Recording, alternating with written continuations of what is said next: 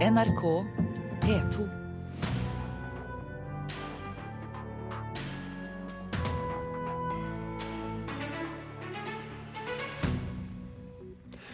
Innstrammingen i offentlighetsloven truer demokratiet, mener Norsk Presseforbund. Sterkt overdrevet, sier byrådslederen i Oslo.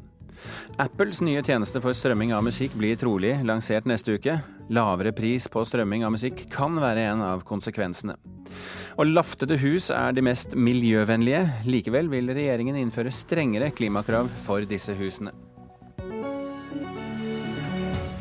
Og så skal vi anmelde det vår litteraturkritiker mener er en beint frem gripende roman. Vi snakker om Tiril Broch Åkres Redd Barna. Dette er Kulturnytt, og Kulturnytt får du i dag med Birger Kolsrud Jåsund i studio. En innstramming av offentlighetsloven er en trussel mot demokratiet. Det hevder Norsk Presseforbund. I går fremmet justiskomiteen på Stortinget et forslag om å endre offentlighetsloven. Ifølge det nye forslaget skal ikke folk og journalister få innsyn i saker mens de utvikles av byråkrater og politikere i kommuner som praktiserer parlamentarisme. De får først innsyn når sakene er klare til å stemmes over. Politikerne vil jobbe i fred for snushaner. Nå registrerer jeg at eh, en del politikere mener at eh, det blir bedre beslutninger når de får diskutere i fred. Det er helt i strid med Eh, demokratiet og demokratiets ånd. Og jeg mener også det er helt i strid med den tiden vi lever i. Ja til frihet! Ja til frihet! Folkets engasjement kan svekkes, frykter Kjersti Løken Stavrum i Presseforbundet, når man ikke lenger skal få muligheten til å få tidlig innsyn i saker som f.eks. handler om skolenedleggelser, veitraseer og inngrep i byrom og natur.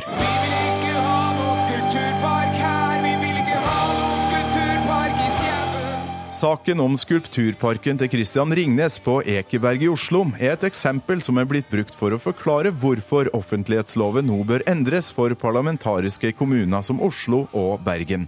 En sak som skapte et enormt engasjement og ble tema for en låt av satiremetallbandet Black Debate. Konsekvens kan dette fort bli men helt i starten av behandlinga av slike saker ønsker byrådspolitikerne arbeidsro, og at journalister og velgere ikke skal få innsyn. Så mente Oslo kommune at i sånne tilfeller er det en klar fordel for byrådet å kunne diskutere det i fred og bestemme seg før vi andre blir kjent med det. Det vil jo være et tilfelle hvor vi alle er tjent med å få lov til å være med og diskutere fra første stund. Det vi snakker om her, er om byrådet, kommunerådet eller fylkesrådet skal få mulighet til å diskutere hva som skal være byrådets felles syn, før det presenteres til, eh, til bystyret. Byrådsleder i Oslo, Stian Berge Røsland, påpeker at den kommende endringa av offentlighetsloven kun gjelder fortrolig diskusjon innad i byrådet, og sier følgende om Presseforbundets bekymring for demokratiet. Det er sterkt overdrevet overdrevet. Det som skjer nå, er at man fra Stortingets side bekrefter at det er slik at et byråd må kunne ha noen interne diskusjoner.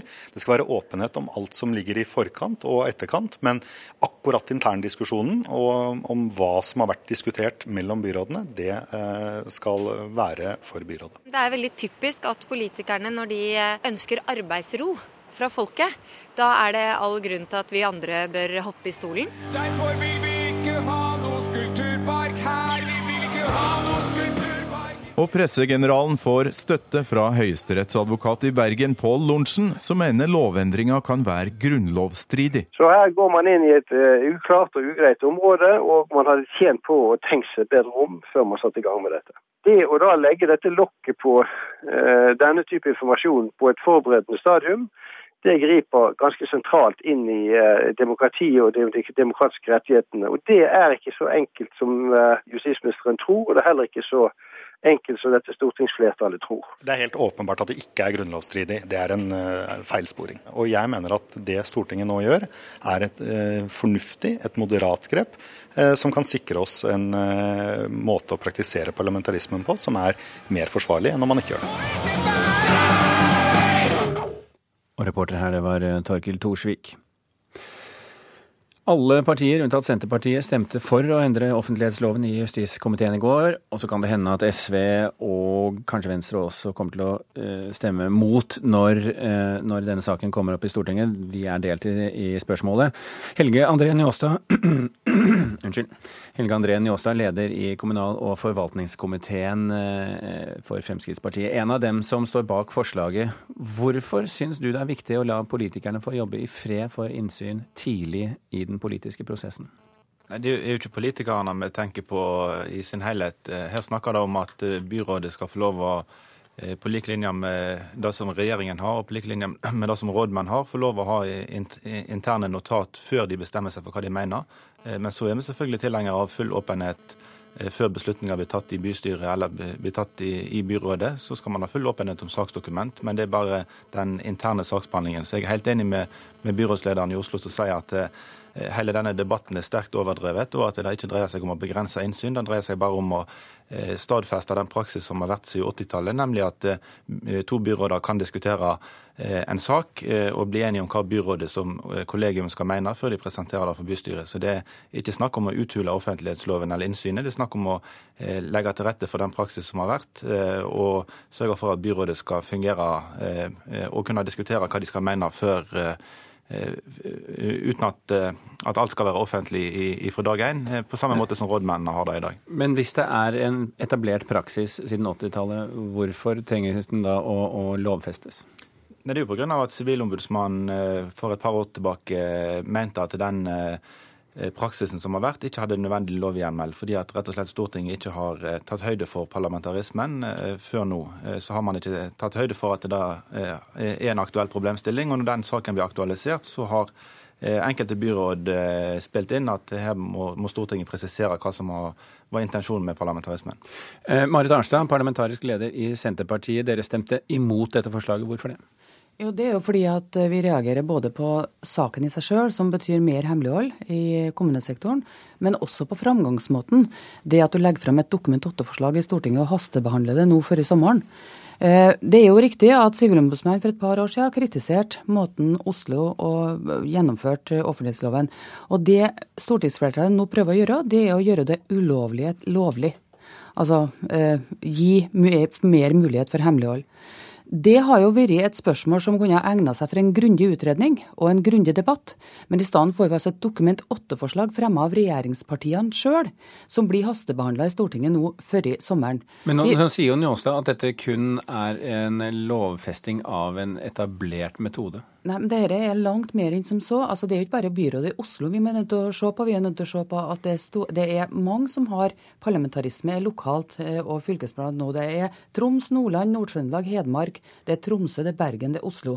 Og Her skaper du et skille i kommunal sektor mellom én gruppe som da har parlamentarisk styreform, som får lov å hemmeligholde mer, og en annen gruppe kommuner som da er mer eh, stilt under krav om åpenhet. Og Det skillet i seg sjøl syns jeg er problematisk. Det rokker ved noe av den grunnleggende åpenheten du vil ha i lokaldemokratiet. Er du også eh, bekymret for denne forskjellsbehandlingen? Nei, men vi har jo åpna for at kommuner kan velge om de skal være styrt av en formannskapsmodell som i all hovedsak er, er regel for alle. Men, men det er vel ikke like praktisk for alle kommuner? Nei, men det er jo eh, opp til kommunene å velge hva modell de vil ha. Eh, og Rådmannen har det på akkurat samme måte som byrådet. At rådmannen kan snakke med sin økonomisjef, eh, ha interne notat, før man blir enige om hva rådmannen mener å legge fram for kommunestyret. På samme måte skal byrådene. Det er jo nettopp det vi gjør med, med parlamentarisme, at vi erstatter rådmannen med et byråd. Nei. Nei, han gjør ikke det. Rådmann er administrativt ansatt. Byrådet er et politisk organ. Det er klart at kan, Denne sammenligninga med rådmann og byråd den halter etter min mening svært. Mm eh, mye. Er dette en av grunnene til at du vil ha litt lengre behandlingstid i denne Nei, saken? Jeg mener at det er mange sider av det her som du ikke har vurdert. Det ene er jo hemmelighold i forhold til åpenhet, og om det har vært andre måter å gjøre det dette på for å få uh, bedre uh, arbeidsro for byrådet da, uh, innen hemmelighold. Det andre er hvilke konsekvenser det har for kommunesektoren som sådan. og det tredje er jo at vi er jo inn i en evaluering av offentlighetsloven som sådan allerede. Den skal legges fram til høsten. Altså At du ikke har tida til å vente og ta en grundig behandling av dette spørsmålet her, det syns jeg er høyst merkverdig. Hvorfor har dere så dårlig tid? Vi har ikke dårlig tid. og Jeg reagerer jo litt på at, eh, at det blir kritisert at vi fremmer et Dokument 8-forslag. Stortinget er jo, er jo rett til å, å, ta egne initiativ. Eh, Eh, og Senterpartiet og de andre i opposisjonen fremmer jo Dokument 8-forslag hver eneste dag. Eh, og når vi først fremmer ett forslag som vi har gjort i vår, så blir vi kritisert for at, at, vi tar initiativ. Det er ikke sånn at vi som sitter på Stortinget bare sitter der og stemmer ja og nei. Vi mener òg ting og tar opp dagsaktuelle problemstillinger. Og behandlingen her er ikke mer hast enn andre behandlinger. Men regjeringa sitter å vurdere, altså regjeringa sitter å evaluere offentlighetsloven, og samtidig velger regjeringspartiene å fremme et Dokument 8-forslag som blir behandla på under to måneder i Stortinget. Altså At du da ikke har tida til å ta en grundig behandling av det og se hvilke konsekvenser okay. det har både for offentlighet, men også for kommunesektoren og lokaldemokratiet, det syns jeg er merkverdig. En, en, ting jeg vil spørre Njåstad om, uh, Arnstad. Altså, Fremskrittspartiet fremstiller ofte som forkjemperen for den vanlige kvinne og mann mot overgrep og overstyring fra staten. Hvordan, uh, hvordan stemmer den ideologiforankringen med dette forslaget dere kom med nå? Jo, Det stemmer veldig fint. fordi Vi har full åpenhet om offentlighet som gjelder for, for, innsyn i dokument. Det eneste dette handler om, er at to byråder kan ha notat og diskutere hva byrådet skal mene. Så det er full åpenhet om alt som byrådet som organ mener. Det eneste man ikke får vite, er om én byråd har et forslag som byrådet som kollegium ikke går inn for. og da er akkurat på samme måten at en rådmann kan diskutere med etatssjef. For det er ikke riktig at, at byrådet ikke overtar rådmannsfunksjonen. De overtar den funksjonen, og derfor er det likestilling både sånn som rådmenn og sånn som regjeringen har det. Det begrenser den løpende debatten og mulig, folks mulighet til å følge i sakene. Sånn er det. Vi får se hvordan det vikler seg ut når alt kommer til alt. Eh, tusen hjertelig takk Marit Arnstad og Helge André Njåstad for at dere kom til Kulturnytt.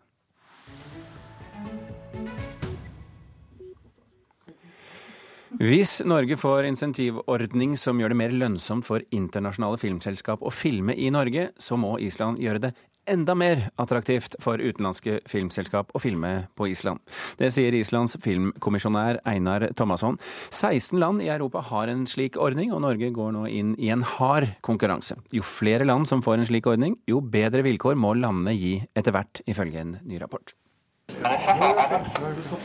Et tysk filmcrew har rigga seg til i en lokal islandsk pub. Den tyske filmen 'Death' i Vestfjord blir i sin heilskap spilt inn på Island. Det sier filmens tyske regissør Til Endemann. En kombinasjon av godt kvalifiserte filmarbeidere, variert natur og 20% i filmtilskudd har gjort Island svært så forlokkende for utenlandske filmproduksjoner. I think for, for the Icelandic films, it's been absolutely mandatory to have this, this, uh, this uh, Støtteordninger til utenlandske filmer har vært helt avgjørende, sier Balthazar Kormakur, Islands største filmregissør, som står bak filmer som 101 Reykjavik. Men Island er ikke alene om å ha en insentivordning i form av subsidier eller reduserte skatter. Totalt tilbyr 16 land i Europa tilskuddsordninger til utenlandske filmproduksjoner, og fra januar neste år følger Norge etter. For å imøtekomme den stadig sterkere konkurransen mellom landene, bør Island øke sitt filmtilskudd fra 20 til 25% mener Islands filmkommisjonær Einar Thomasson. So, because not only Norway is coming in with incentives like you're stating here, but uh, Ireland has been raising their numbers as well. Det er ikke bare Norge som kommer med insentiver. Både Irland, England og andre land i verden har økt deres summer, sier Thomasson. You have to be smart. Your pretty crows are a thousand men on this thing. He's a liar. He is. Flere av sesongene i Game of Thrones er spilt inn på Island takket være de gunstige tilskuddsordningene. Nå vil industriministeren på Island, Ragnheidur Elin Arnadottir, vurdere å øke insentivene for å stå bedre rustet i konkurransen mot bl.a. Norge. The system will come up for renewal at the end of 2016. So now what we are Uh, Vi studerer de landene som er best i klassen for å være sikker på at systemet vårt er konkurransedyktig, sier ministeren. Resultatet av at land stadig byr over hverandre, kan bli et kappløp mot bunnen, der det til slutt ikke vil være noe å hente på en insentivordning, skriver Oslo Economics i en utgreiing om insentivordninger. Dette uroer ikke kulturminister Toril Vidvei. Det er jo en nyere rapport om europeiske insentivordninger som viser at det er lite som tyder på at de europeiske insentivordningene faktisk ødelegger for hverandre. Snarere tvert imot. De europeiske insentivordningene forsterker hverandre ved at de sammen evner å tiltrekke seg flere ikke-europeiske produksjoner. Reporter her det var Helga Tunheim, og du kan lese mer om hvordan Game of Thrones ga Island turistsuksess hvis du går inn på nrk.no. Klokken er snart 18 minutter over åtte. Du hører på Kulturnytt, og dette er toppsakene i Nyhetsmorgen nå. Nå må det internasjonale fotballforbundet Fifa åpne opp og vise verden hva de driver med, sier korrupsjonsekspert i Transparency International. Forskning tyder på at folk i Norge er blitt smittet av antibiotikaresistente bakterier fra kylling, men Mattilsynet mener kylling fortsatt er trygt å spise så lenge kjøttet blir forsvarlig behandlet. Og I dag drar statssekretær Gøran Kalmyr til Eritrea for å starte dialog om flyktningretur. Det er ren politisk kynisme, sier leder i NOAS, Ann Margrit Austenaa. Neste uke kommer en virkelig stor aktør på banen når det gjelder strømmetjenester for musikk. For neste uke er det i hvert fall forventet at Apple skal lansere sin strømmetjeneste. Eller er det bare rykter, kollega Petter Sommer? Ja, det kan man eh, lure på. Ryktene i hvert fall rundt den Apples eh, nye strømmetjeneste har eh, svirret der ute på nettet en god stund nå. Det finnes jo veldig mange sånne teknologinettsteder som spesialiserer seg på rykter om selskapet Apple. Macrumors og 9to5 Mac er eksempel på noen av dem. Og Apple sier ingenting? Apple eh, holder tett, i hvert fall sånn offisielt utad, eh, men nå har ryktene da nådd Wall Street Journal, en større amerikansk avis, som eh, i dag skriver at jo da, Apple på sin Developers Conference, en konferanse de holder årlig hvert, ja, neste uke da, på mandag, så skal det lanseres en strømmetjeneste fra Apple, omsider, vil vel mange si. Mange har jo eh, visst eh, at eh, Apple ikke kommer til å sitte stille og se på at Spotify spiser hele markedet for strømmetjenester. Mm. Og det var jo tross alt Apple som nærmest skapte markedet for digitalt musikksalg. Hvordan tror du sjansene er for at Apple skal hevde seg også på strømmemarkedet? Ja, altså Apple har jo det totale Av det totale musikksalget i verden så kontrollerer jo Apple 80-85% men Spotify som du nevner, som ble lansert i 2008, står for ca. 80 80-85% av strømmingen i dag. Og spørsmålet, eller usikkerheten da, som knytter seg til eh, om Apple vil lykkes med denne satsingen, er jo om de er villige til å ofre noe av denne Eh, dette salget for å gå over på strømming. Altså Hvorfor skal folk eh, lenger kjøpe en låt til 12 kroner, når man kan abonnere på alle verdens låter for under 100 kroner? Det skal da koste omtrent det samme som Spotify og de andre aktørene allerede tar i dag. Og det er jo også en del av ryktebørsen. Hvor mye kommer dette til å koste? Petter Sommer, vi får svaret på en av dagene i neste uke. Det gjør vi. På mandag, trolig. Takk skal du ha for at du kom innom.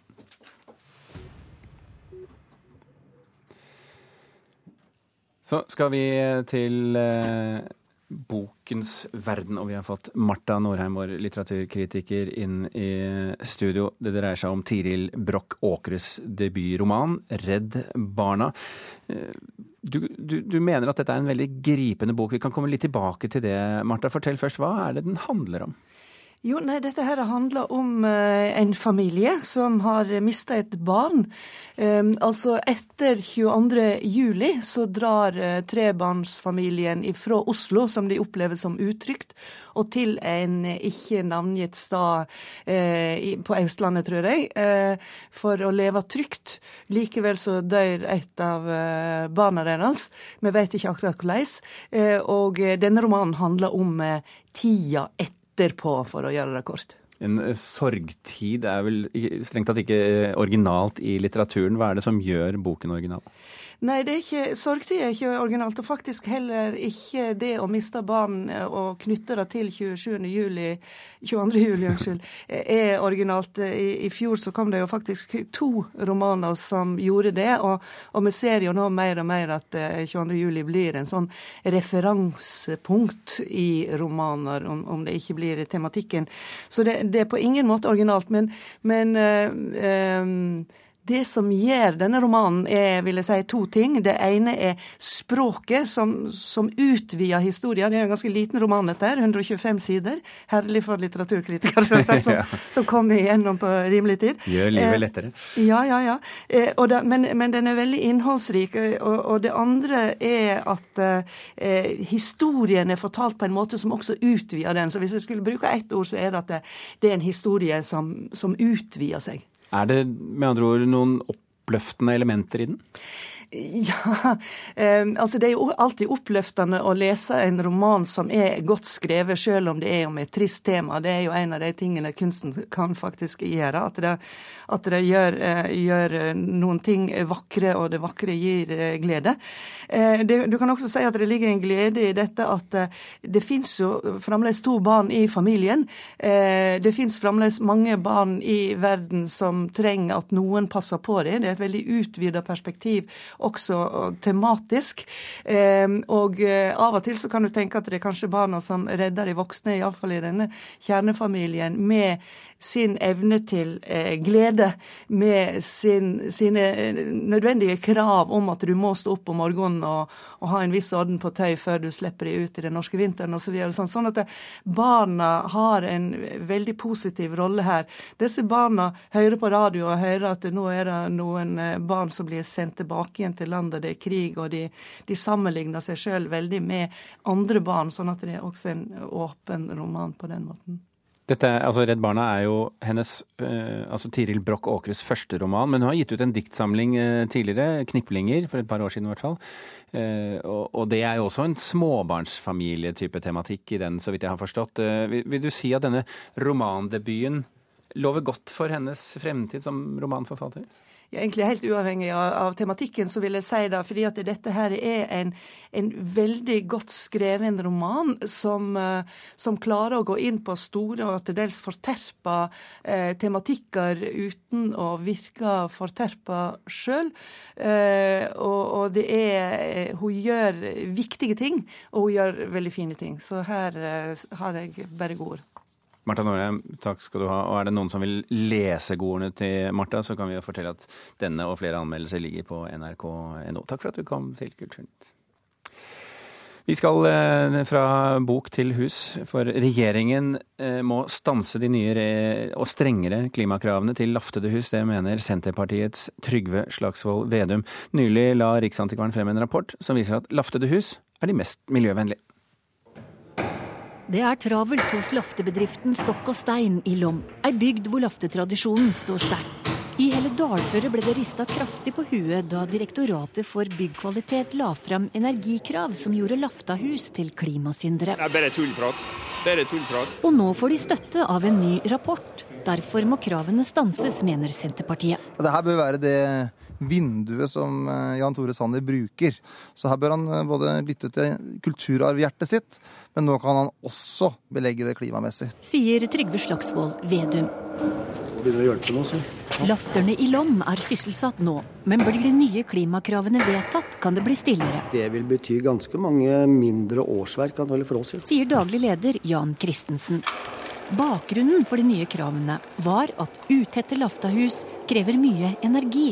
Derfor foreslås det å forby bygging av laftahus uten at de isoleres ekstra. Og Det mener vi at vil føre til at vi får færre lafte bolighus, og derved også færre håndverkere. Og Det er vi helt avhengig av, vi som skal ta vare på bygningsarven sier seniorrådgiver hos Riksantikvaren Marte Boro. Det er sånn at omtrent eh, alt som er av bolighus fra, i tre fra før 1900 er oppført i laft. I sørlandsbyene, Bergen, Trondheim, våningshus på gardsbruk er i laft. Og vi er helt avhengig av å ha håndverkere som kan restaurering.